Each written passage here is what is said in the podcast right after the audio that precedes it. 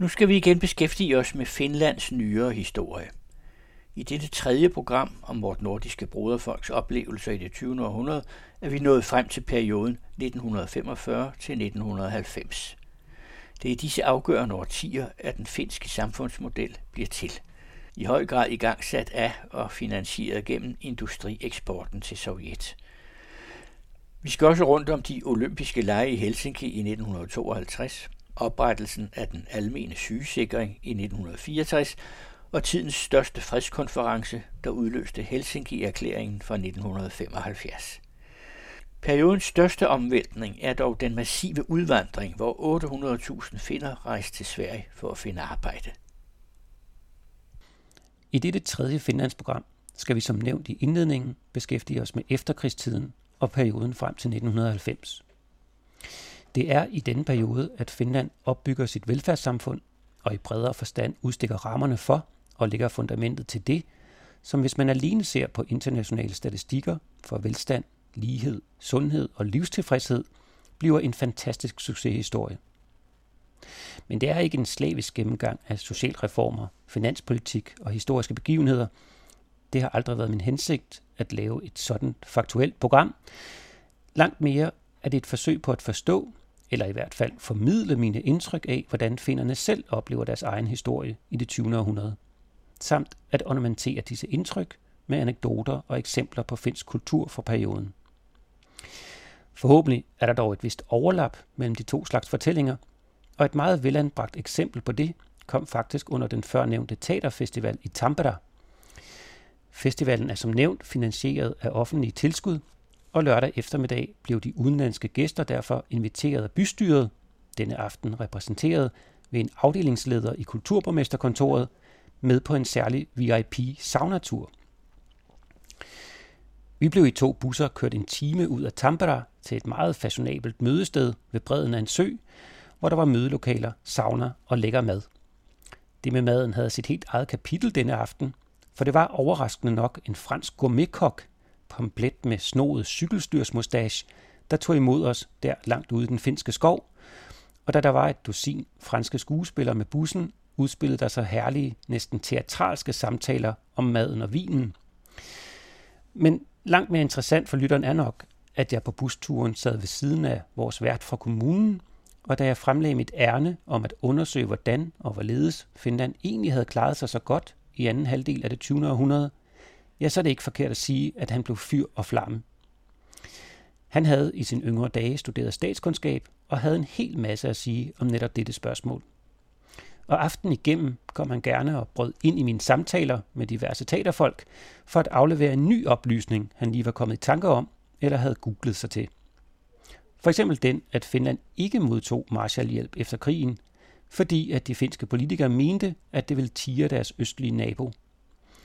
Grunden til, at dette ikke var et simpelt spørgsmål, man nemt kunne redegøre for, forklarede min kommunale kilde, som faktisk til at begynde med var helt sikker på, at Finland havde fået Marshallhjælp, var angiveligt, at man fra finsk side længe havde ønsket sig at fordele hjælpen, og at man først endegyldigt undlod at søge om den, da en række gunstige låneordninger, der mindede en hel del om Marshallhjælpen, blev tilbudt gennem, hvis jeg forstod det rigtigt, det netop grundlagte IMF, altså den internationale valutafond.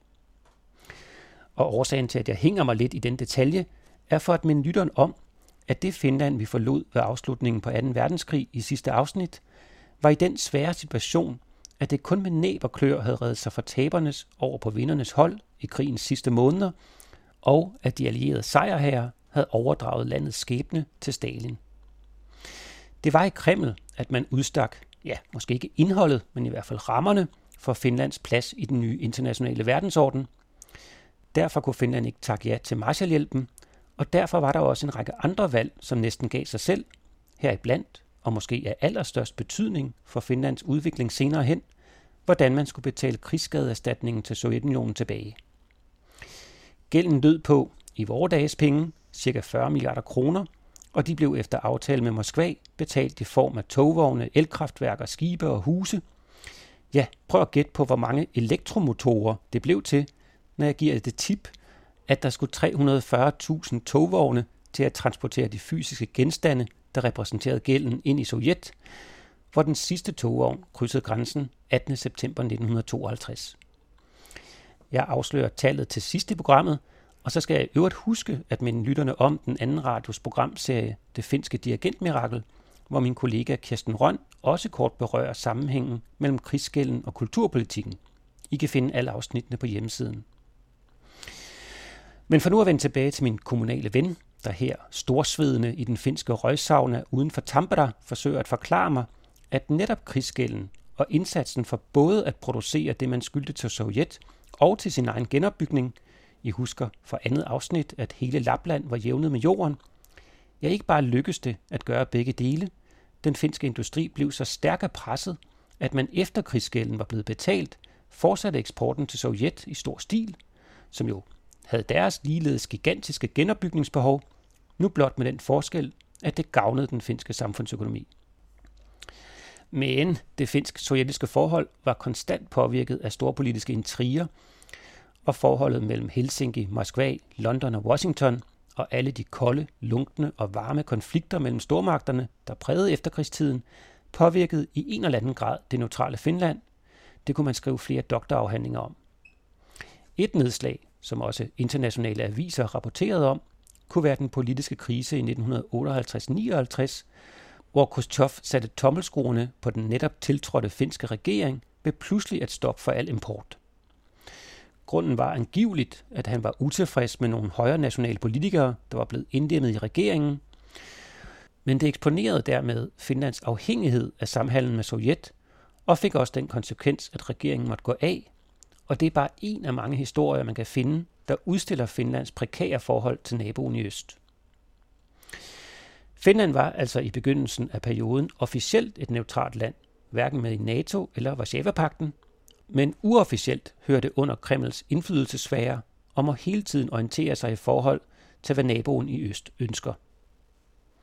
Et gammelt kort af 1960, lavet af United Press, illustrerer dette forhold ved, at alle lande i Europa er delt ind efter graden af tilhørsforhold til det nye europæiske fællesmarked, og her er Finland grupperet sammen med det kommunistiske Østeuropa.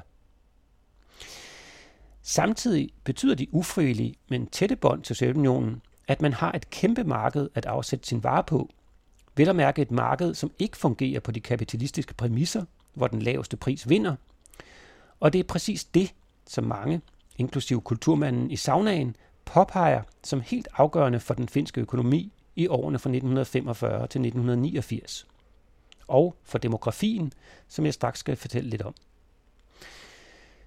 Jeg har et eller andet sted læst eller hørt, at Finland ved krigens afslutning havde 8% industri og 92% primære erhverv, altså landbrug, fiskeri og skovbrug, og at de to tal var vendt om 10 år efter i 1955. Om det passer helt så symmetrisk, ved jeg ikke. Ligesom jeg heller ikke har fundet en måde at bekræfte en anden historie, jeg hørt på, den at Sovjet relativt hurtigt efter, at krigsskadeerstatningen var betalt, selv befandt sig i en gældsklemme, i det at man ikke kunne betale de finske regninger, og endte med at bygge et gratis atomkraftværk til finnerne som afbetaling. For at opsummere, 1945 var en slags år 0 i finsk historie. Efter krigsnederlaget stod man over for at skulle genopbygge både landet, kulturen og sit eget selvværd. Det skete imidlertid i skyggen af Ruslands interesser, og samtidig med, at man måtte aflevere store dele af sin industriproduktion til naboen. Men og det er vel den egentlige pointe her. Det lykkedes så godt, at man både kunne hævde sin selvstændighed og skabe en bulrende industriøkonomi, der skabte grundlaget for det velfærdssamfund, man begyndte at opbygge i 1960'erne. Og hele den historie tilskrives af de finder, jeg har diskuteret perioden med, at man i nødens stund stod sammen som folk. At man med en ung universitetsstuderende fra Helsinkis ord kultiverede et fælles ethos om, at nøjsomhed lighed, arbejdsomhed, tavshed og fællesskab er kernen i den finske identitet. En identitet, han hævdede, havde præget det moderne Finland helt op til murens fald. Og det findes der naturligvis også et ordsprog, der afspejler. Kaveria ei jätetä. Kaveria ei jätetä. Hvilket betyder, man efterlader ingen, og egentlig er et ordsprog, som, fik jeg fortalt, kommer fra fortsættelseskrigen, men som efter krigen fik en ny betydning, altså den jeg lige nævnte med, at vi alle er i samme båd. Og langt senere blev ordsproget så til et folkeligt ishockeykampråb, der gjalder, når det finske landshold spiller.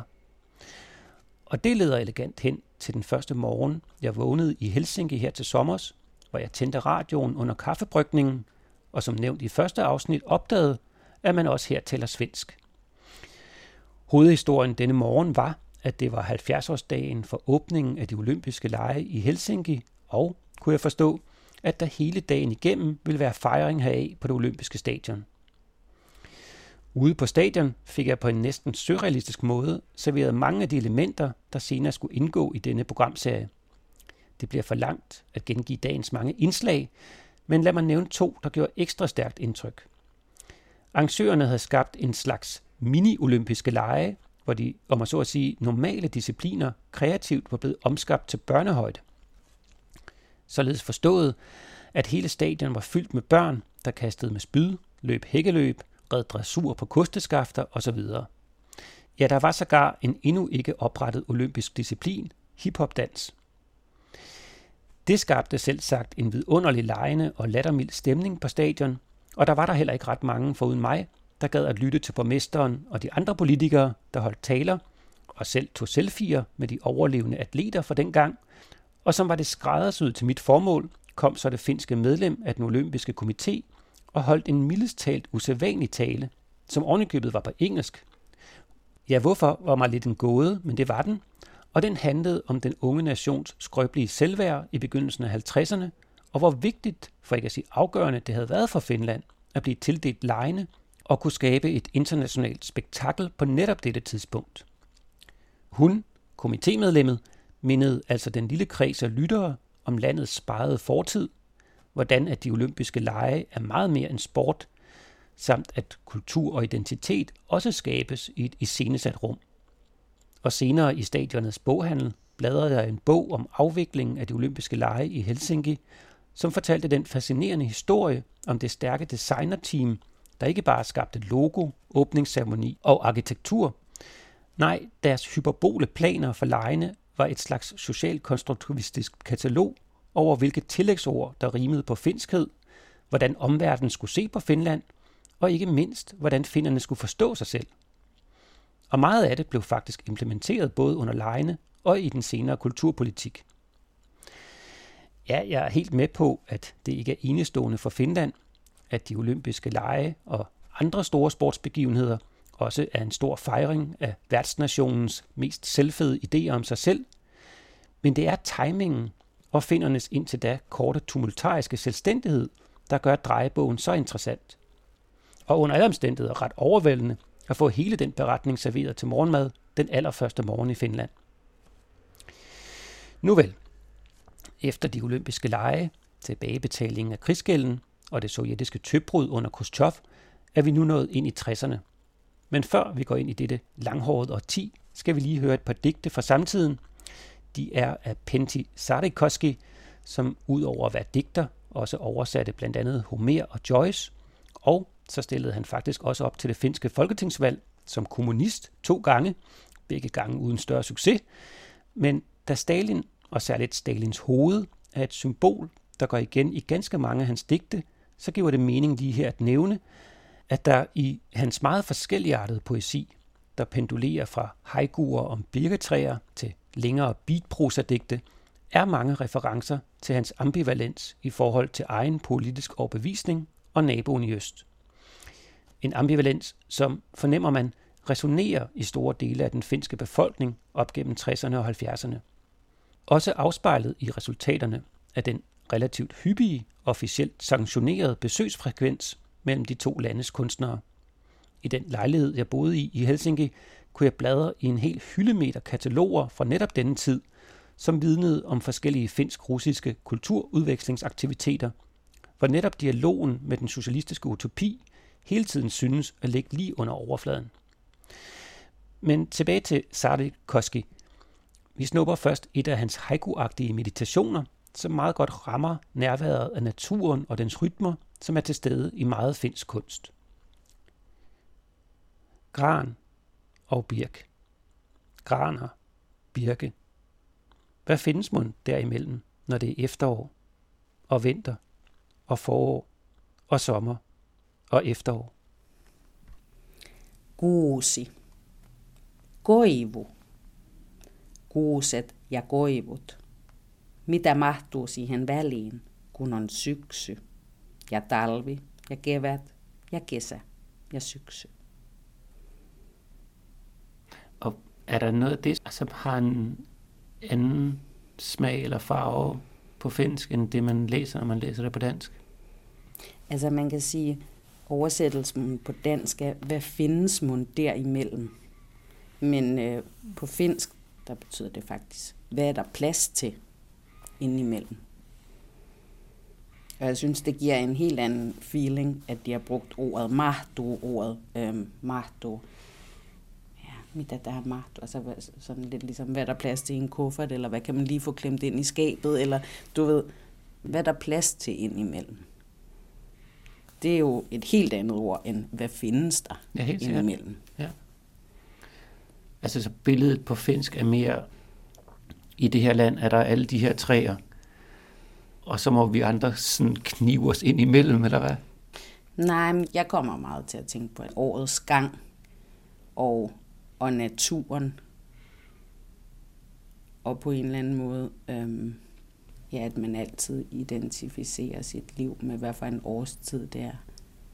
Nå, men så blev det efterår. Nå, men så blev det sommer. Så og man kigger på omgivelserne, man kigger på træerne og ser, hvor træerne er henne i deres liv, og man tænker, Nå, men det er måske også naturligt, at jeg er lidt mismodig for tiden, for det er også den tid, hvor man taber nålene eller sådan. Men måske mere, hvad der er plads til i livet indimellem, ud over bare livets vanlige gang på mm. en hmm. eller anden måde, ja. ser jeg det som. Altså at der ligesom i de der årstider er nogle naturlige humørsvingninger. Mm. Mm. Det han spørger om, hvad der så er plads til ud over det. Mm. Ja, præcis. Okay. Kan vi selv fylde noget på livet også? Ja, ja, ja. Næsten sådan et spørgsmål om fri vilje måske. Mm. Eller sådan. Som I kunne høre, er der faktisk en hel masse på spil i den finske tekst, som kun tilnærmelsesvis lader sig oversætte til dansk. Rosa fortalte, hvordan at det finske sprog med det specielle opbygning og de utallige kasuser ofte indeholder betydningslag hidrørende fra en ejendommelig samhørighed med naturens grundelementer. Ja, det lyder måske lidt for fløjent, men hør her, hvad en af bipersonerne i Maranis roman Ny finsk grammatik siger.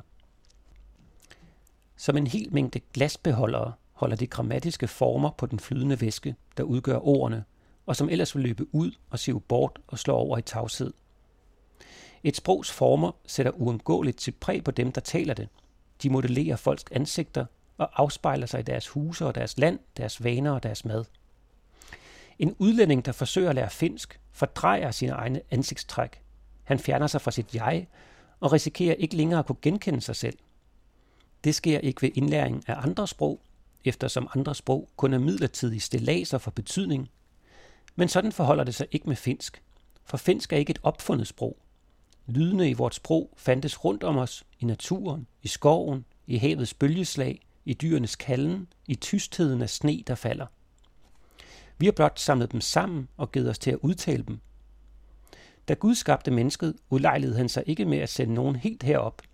Så derfor har vi selv måttet finde ud af at arbejde os fri af den træge materie. Vi har måttet lide for at komme til live.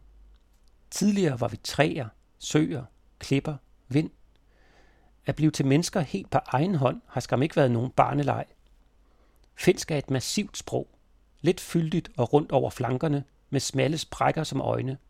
Og sådan ser husene i Helsinki også ud, og vores ansigter. Det er et sprog med lyde, der er blide og bløde, som smagen og konsistensen af kødet fra de abor og ørder, man på sommeraftener steger ved bredden af søerne, hvis bund er dækket af alger, der er røde som jægernes træhytter, og som bærene, om sommeren bløder på buskene.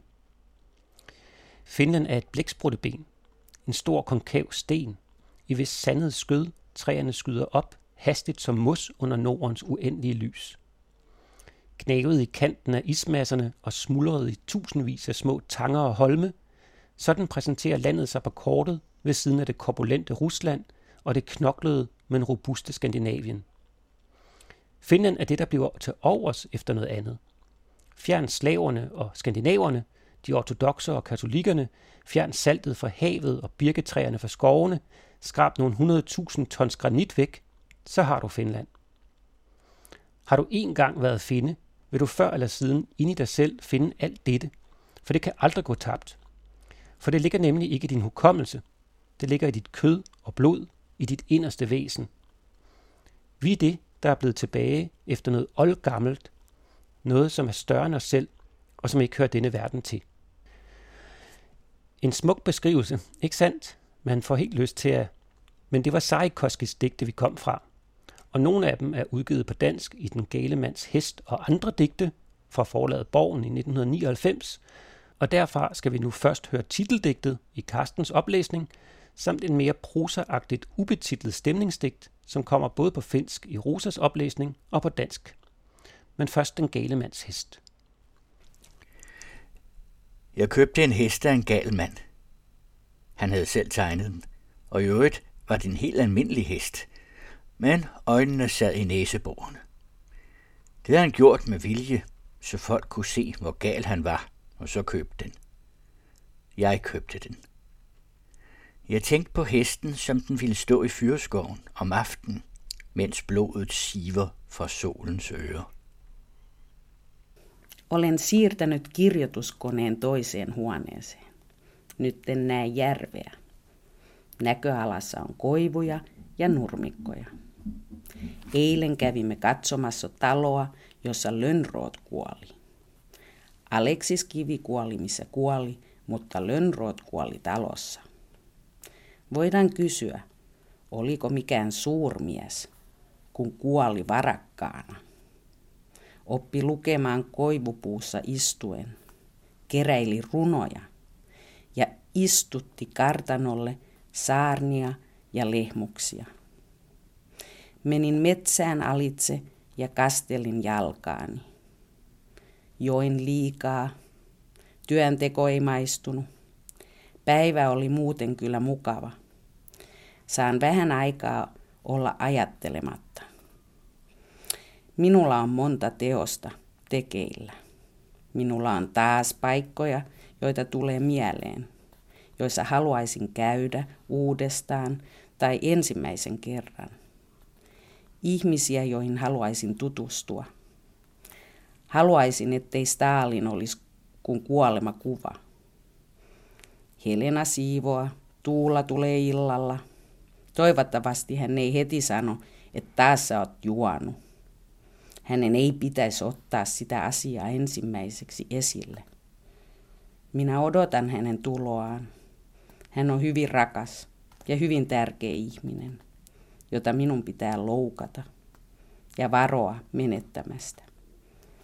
Kertomus menee eteenpäin vaikeasti, kuin olisin saari, saaroksissa.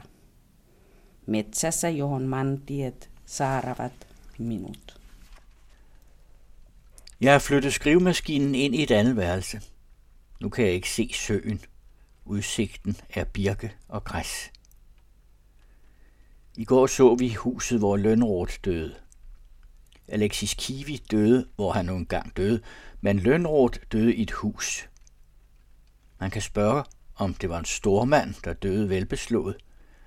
Lærte at læse, da han sad i birken. Indsamlede digte og plantede aske og linde på gården. Jeg gik neden for skoven og fik våde fødder. Drak for meget. Arbejdet smagte mig ikke. Dagen var ellers dejlig nok. Jeg får et øjeblik lov til at lade være med at tænke. Jeg er i gang med mange værker. Jeg har mange steder til gode, som jeg kommer i tanke om, som jeg gerne vil besøge igen eller for første gang. Folk, jeg gerne vil lære at kende. Jeg ville ønske, Stalin ikke var som dødens billede. Helena er ved at gøre rent. Tula kommer i aften. Forhåbentlig siger hun ikke straks, nu har du drukket igen. Hun burde ikke nævne det allerførst. Jeg venter på, at hun kommer. Hun er et kært og vigtigt menneske, som jeg kommer til at sove og passe på ikke at miste. Fortællingen skrider kun frem med møje, som om jeg var omringet. I skoven, hvor landeveje omringer mig. Ja, her fik øh, Penti Sardikoski som I kunne høre, nævnt tre af de store, Lønrot, Kiwi, for uden hans yndlingssamtalepartner Stalin. Alt sammen sat ind i en sammenhæng, hvor spørgsmål til bolig, hjem og identitet synes at være digtets indre referenceramme. Og det er det samme spørgsmål, som Nationalmuseet i Helsinki har dedikeret en hel sal til at stille, her for at belyse folkevandringen fra land til by i 1960'erne, samt den simultane vandring videre fra Finland til nabolandene, herunder også Danmark, men i særlig høj grad Sverige, hvor der i dag bor 720.000 første, anden og tredje generations indvandrere fra Finland. I alt rejste 800.000 finnere til Sverige for en kortere eller længere periode efter krigen, og 1969 og 1970 topper statistikkerne med ca. 50.000 udrejsende per år. Jeg har tallene fra et par nyere videnskabelige artikler, I kan finde i kildelisten, hvis egentlige tema er at beskrive, hvordan integrationsproblemer angiveligt er større blandt de finske immigranter end blandt alle andre etniciteter i Sverige. Hvilket i øvrigt også illustreres i den i de to første afsnit omtalte tegneserie, hvor flere familiemedlemmer rejser til Stockholm for at finde arbejde. Og her kan man jo også læse, at Finland som det sidste land i Europa i 1964 indførte den almene sygeforsikring. Til gengæld er det den mest omfattende, der findes. Men i forhold til de finder, der rejser ud i 60'erne, så er det altså ikke med alle sammen, der kommer i arbejde. En del havner på samfundets bund eller i kriminalitet. Det omtales faktisk også i formidlingen på Nationalmuseet, hvor man gennem nogle voldsomme uroligheder mellem finder og de lokale i Göteborg beskriver vanskelighederne set fra begge sider. Og det er der også fra denne tid, at stereotypen om den knivstikkende finde dukker op. Jeg ved ikke, om I har hørt min serie Christiania Stemmer, men i det allerførste interview fortælles der om de farlige finder, og det rimer ret godt på en artikelserie, der for en halv snes år siden var at læse i lokalavisen Christianshavneren, som var en historisk gennemgang af den lokale hjemløse café Fittekælderens arbejde, hvor der også blev fortalt, at hovedparten af gæsterne i 1960'erne og 70'erne var finske mænd. Og ligeledes er der ganske mange røverhistorier fra Christianias begyndelse om vilde finder, der om at så at sige havde smidt civilisationens kåbe, eller måske havde de aldrig taget den på. Men det er nu ikke de historier, jeg vil viderebringe her, men i stedet fortælle om min egen første oplevelse med de danske findere. Den kom, da jeg begyndte på efterskole i 1986, og for første gang i mit liv mødte en finde, som jeg ret hurtigt blev gode venner med. Han er desværre død nu, kørt ned i krydset Tomskovsvej, Frederikssundsvej, men jeg tager mig den frihed at fortælle lidt af det, jeg oplevede sammen med ham i slutningen af 80'erne. Han kom nemlig fra en familie, der passer til dette signalement. Hjemme hos hans mor og stefar i Mjølnerparken var hele det ene værelse i lejligheden lagerrum for hælervarer, og min ven var selv godt på vej ind i forretningen.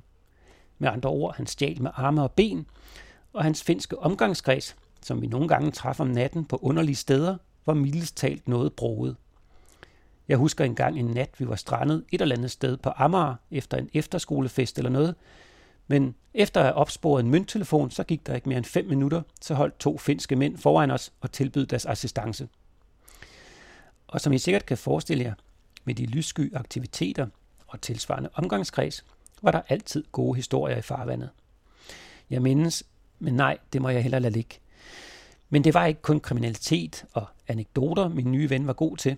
Et par år var han officielt tolk for det finske ishockeylandshold, når de skulle spille i udlandet, og hans mest værdsatte ejendom var en samling ishockeystave, han havde fået af spillerne.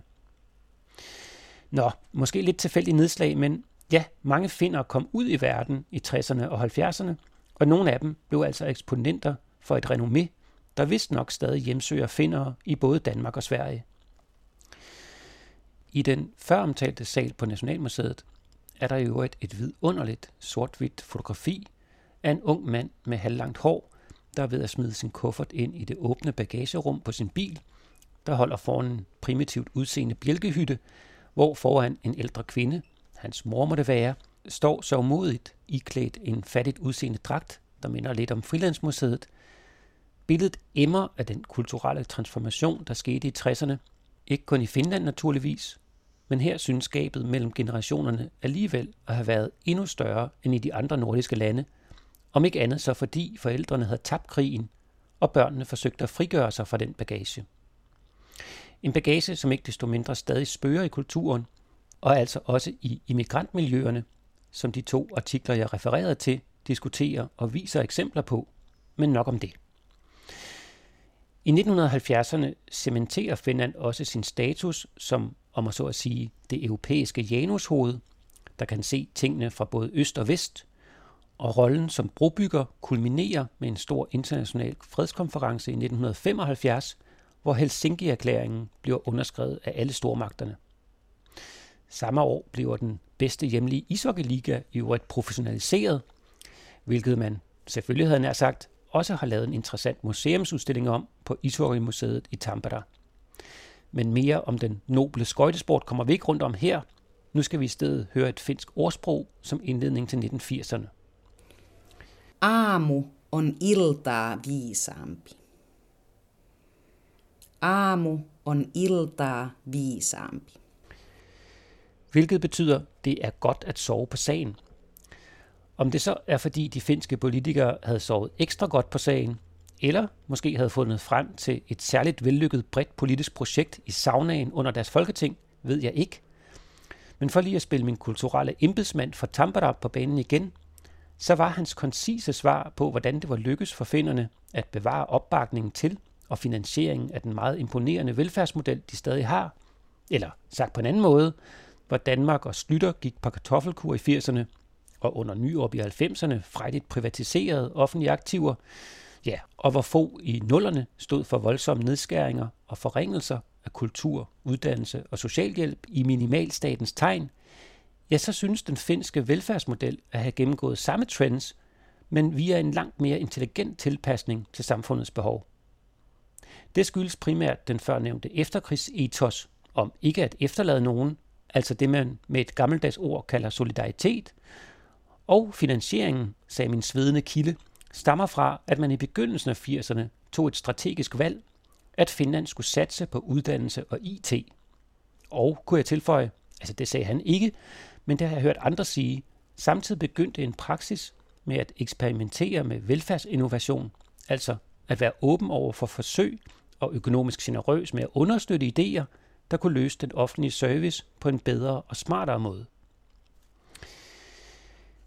Det er jo op til den enkelte lytter at vurdere, hvor meget troværdighed eller substans han eller hun vil tildele den forklaring, men faktum er, at man fra 80'ernes begyndelse satsede på IT-færdigheder i uddannelsessystemet, og at der op gennem 90'erne blev skabt et utroligt erhvervseventyr, bannerført af Nokia, som lancerede sin første mobiltelefon i 1991, men med en lang række andre IT-startups, der også skabte store værdier, særligt inden for spilindustrien.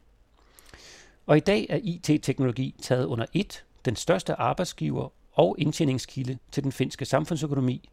Internetadgang er faktisk skrevet ind i lovgivningen som en fundamental ret på linje med mad og varme, og finderne har i gennemsnit to mobiltelefonabonnementer per indbygger. Men nu foregriber jeg næste afsnit. 80'erne, ja, det var i det hele taget et godt årti for Finland. Finderne oplevede en voldsom økonomisk vækst, et forbrugseventyr, som man siger, og i periferien af mainstream-kulturen begyndte en noget ukonventionel eksportvare også at røre på sig. De første finske heavy metal bands så dagens lys. Et musikalsk fænomen, der i løbet af de næste årtier skulle få et sådan omfang, at ikke bare har metalmusikken sin helt egen sal på Nationalmuseet med rundt regnet 30 høretelefoner, hvor man kan høre smagsprøver. Salen er til med prydet med et stort citat på væggen om Finland og heavy metal musik, udtalt af ingen ringere end Barack Obama. Og jeg kan ikke lade være med at nævne, at et af de, om så at sige, udstillede bands er et børne-heavy metal band, hvor musikerne giver den djævels gas udklædt som dinosaurer. Deres største hit hedder i øvrigt på dansk Mangel på popcorn, og det linker jeg selvfølgelig til på hjemmesiden. Nå, men nu kunne lytteren jo nemt forledes til at tro, at Finland var på den grønne gren, at det havde gjort alt det rigtige, været kreative, heldige, smarte og kunne sove roligt om natten. Men agt nej, for lige om hjørnet lurer en ny katastrofe, Sovjetunionens sammenbrud. Efterfulgt af en dyb krise i den finske økonomi, og det skal vi høre om i næste afsnit. Men lad os sætte stemningen derfor med åbningssekvensen fra Arto Parselinas bog Kollektivt Selvmord, som er en af de tre bøger ud af i alt 36 romaner fra Finlands mest skattede og bedst sælgende forfatters hånd, som er oversat til dansk. Den udkom nemlig oprindeligt på finsk i 1990. Her er åbningssekvensen.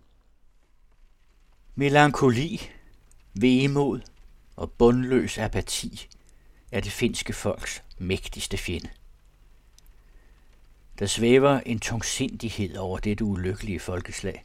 En sindstemning, der i mere end tusind år har kuget alle finder i en sådan grad, at hele befolkningens inderste sjæl er tung og alvorlig. Fortvivlelsen har fået et så fast greb, at mange finder betragter døden som den eneste sande frelser, der kan redde den fra angst og pine. Det mørke sind er en større fjende, end Sovjetunionen nogensinde har været. Men finderne er også et yderst tappert folk af krigere, som aldrig giver op. Gang på gang rejser de sig til oprør mod tyrannen. Sankt Hans, midsommerens, lysets og glædens fest, er et unikt og gigantisk slag, hvor man hvert eneste år med fælles kræfter forsøger at tilindegøre det gnavende tungsindighedsuhyre. Midsommeraften er hele befolkningen mobiliseret. Ikke kun mænd i den tjenestedygtige alder. Nej, selv kvinder, børn og oldinge halser afsted mod fronten. Ved bredderne af de tusindvis af finske søer antændes kæmpe store hedenske bål med det formål at fordrive melankoliens dystre skyer. Det blåhvide krigsflag hejses i alle landets flagstænger.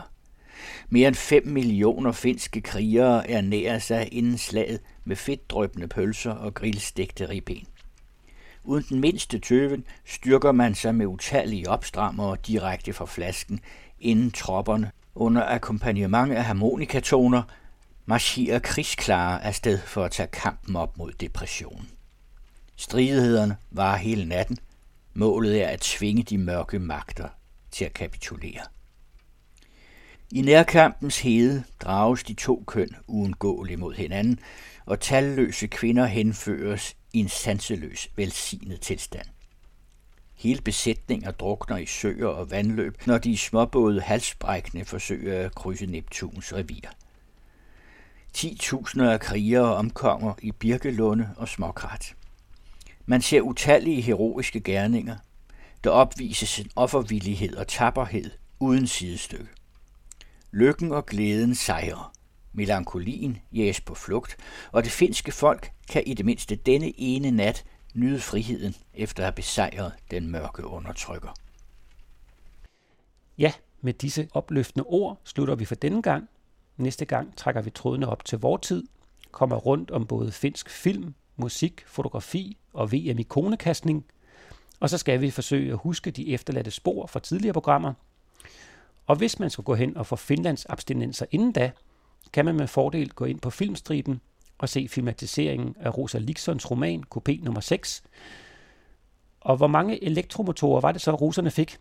Ja, det rigtige svar er 52.500. Til gengæld nøjes de med 522 bjælkehytter. I hørte Rasmus Blæde Larsen, og det var Rosa og Carsten Farov, der læste op for henholdsvis Pentisarikoskis digtsamling Den gale mands hest og Arthur Parsilinas roman Kollektivt selvmord.